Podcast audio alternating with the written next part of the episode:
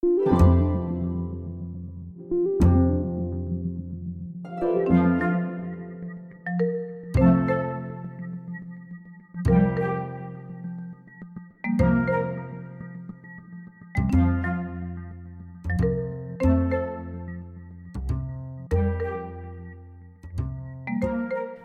Dödlighetsundersökningar, det var något i alla fall jag aldrig hade hört talas om innan jag började i försäkringsbranschen. Och vad är då en dödlighetsundersökning och varför gör man det? Det ska vi förstå lite bättre med hjälp av Kia Buranakol Issa som är vår aktuarie på Svensk Försäkring. Hej Kia! Hej Ulrika! Ja men vad är en dödlighetsundersökning? Det låter ju helt bisarrt. Ja, det, det kanske det gör. Det är i alla fall en aktuariell, alltså försäkringsteknisk rapport som Svensk Försäkring publicerar.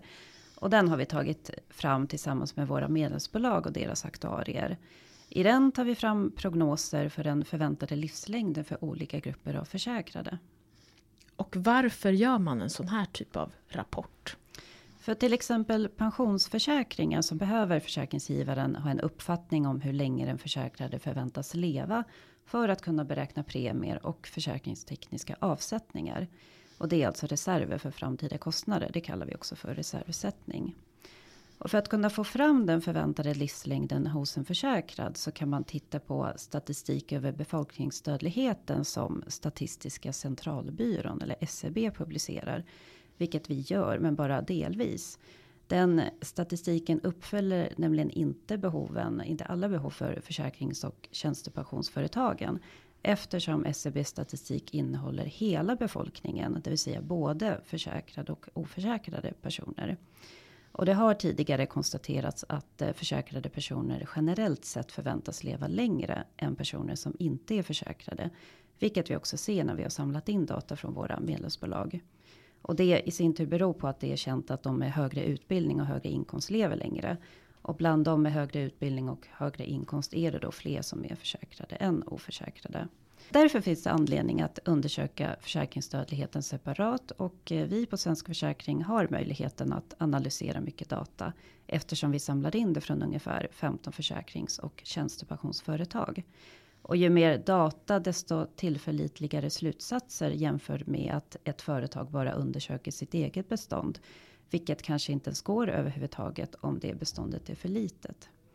Så vi publicerar de här rapporterna för att alla ska kunna ta del av resultaten sen.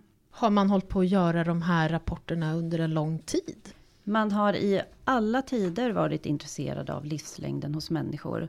Och jag kan läsa att den första dödlighetsundersökningen av livförsäkringsbolagen, den gjordes 1915. Och med hjälp av den kunde man ta fram branschgemensamma antaganden för, för bolagens försäkringstekniska grunder. Och de här antaganden uppdaterades sen flera gånger under hela 1900-talet. Och rolig fakta kring det är att jag kunde läsa i de gamla pärvarna från 50-talet som jag hade i mitt kontor. De är nu arkiverade då. Men att de första datainsamlingarna från försäkringsbolag gjordes med hjälp av hålkort. Och då får man ju googla för att se hur ett sånt ser ut. Eh, och i ett mötesprotokoll så skrev de att det fanns ju utmaningar i datakvaliteten såklart. Och det tog ju säkert jättelång tid att sammanställa de data man fick in. Och det är ju värt att tänka på om man själv tycker att det går väldigt långsamt i ens eget arbete. Och nu har det då gjorts uppdateringar av de här rapporterna på lite modernt sätt. Och vad är det man har uppdaterat då? Vi tar ju fram långsiktiga prognoser, men de är inte exakta och ju längre bort i prognoshorisonten vi är så blir det mer osäkert. Och det är därför nödvändigt att då och då jämföra prognosen med verkliga utfall och vid behov då uppdatera de här prognoserna. Och eftersom förändringar i dödlighet eller livslängd det sker relativt långsamt så har man sagt att det räcker med att göra de här uppföljningarna mellan var femte eller sjunde år. Och vi hade en sån uppdatering i 2021 och då publicerade vi en rapport som kallas för DUS 21 och det är en förkortning av dödlighetsundersökningen 2021. Och nu i höst så publicerade vi en extra rapport som då är en vidareutveckling av DUS 21 för att tillgodose de önskemål som har funnits tidigare. Och sen då, alltså ekonomisk dödlighet är ju ett nytt begrepp som, som jag har hört nu. Vad är det för någonting? Jag som jobbar med det, jag har inte ens reflekterat hur det låter, ekonomisk dödlighet. Men det är klart, det väcker frågetecken. Och så får man höra något skämt om svenska kronans död eller något liknande. Men det handlar om att alla våra dödlighetsundersökningar har endast avsett antalsdödlighet. Och det är antalet avlidna i förhållande till det totala beståndet som är då antalet försäkringstagare. Men då finns det ett annat och oftast bättre alternativ vid reservsättning. Det är att beräkna den ekonomiska dödligheten. Då fångar man upp samband mellan livsfallsrisker och det är kostnader för att försäkrade lever längre än förväntat. Så samband mellan det och storleken på försäkringssparandet eller försäkringskapitalet. Och den här rapporten som vi har publicerat nu också i höst. Den undersöker på samma sätt livslängder för olika grupper av försäkrade. Men nu har vi alltså tagit hänsyn till storleken på försäkringssparandet eller försäkringskapitalet. Och när vi då jämför den ekonomiska dödligheten med antalsdödligheten så visar den jämförelsen att för de försäkrade så är den ekonomiska dödligheten generellt lägre jämfört med antalsdödligheten. Både för kvinnor och för män. Och det innebär att de som avlider har ett lågt genomsnittligt försäkringssparande. Och det i huvudsak förklaras av att de som lever längre har ett större kapital.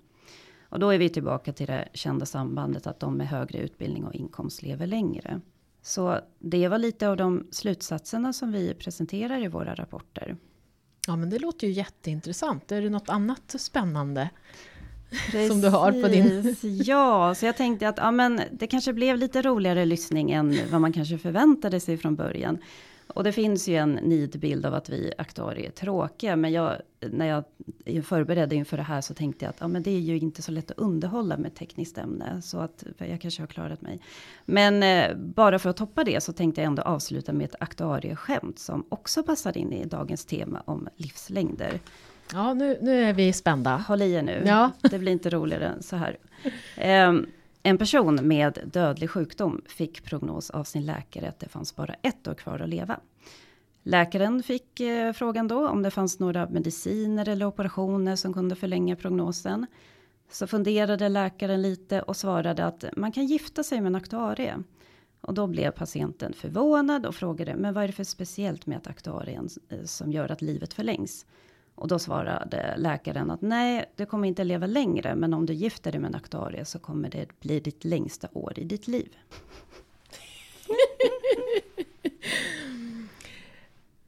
Du har lyssnat på Försäkringssnack med Kia Buranakol, Issa från Svensk Försäkring och mig Ulrika Loob. Du hittar rapporten om dödlighetsundersökningar i avsnittsinformationen. Och har du tankar och idéer om ämnen vi borde ta upp så tipsa oss gärna på mejlen. Vi hörs igen